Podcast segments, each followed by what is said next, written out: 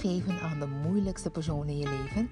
Maar als je het eenmaal in de vingers hebt, krijg je de meeste, grootste en mooiste beloningen in ruil daarvoor.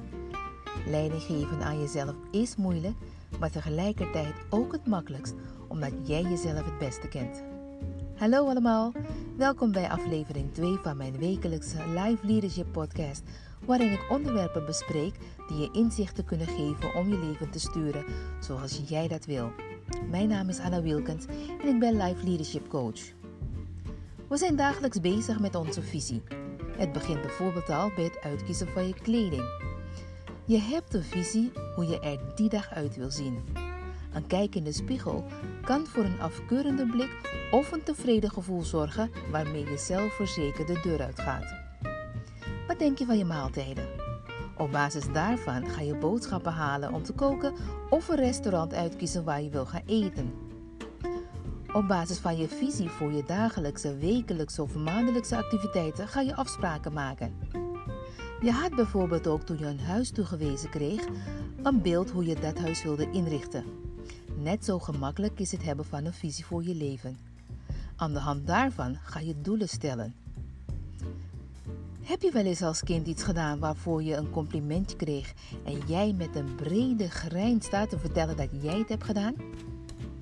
Je kreeg energie en je was zelfverzekerd omdat je had gedaan wat je voor ogen had. Als kind was je niet bang, maar eerder trots op wat je hebt bereikt. Dat was gewoon je visie uitdragen.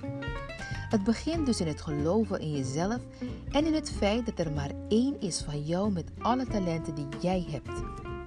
Jouw visie voor je leven is daarom de moeite waard om uit te dragen.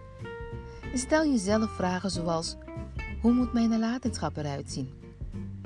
Wat zou ik willen doen als geld, onzekerheid of falen geen issue was? En zo kan je jezelf nog veel meer vragen stellen om je visie te gaan formuleren.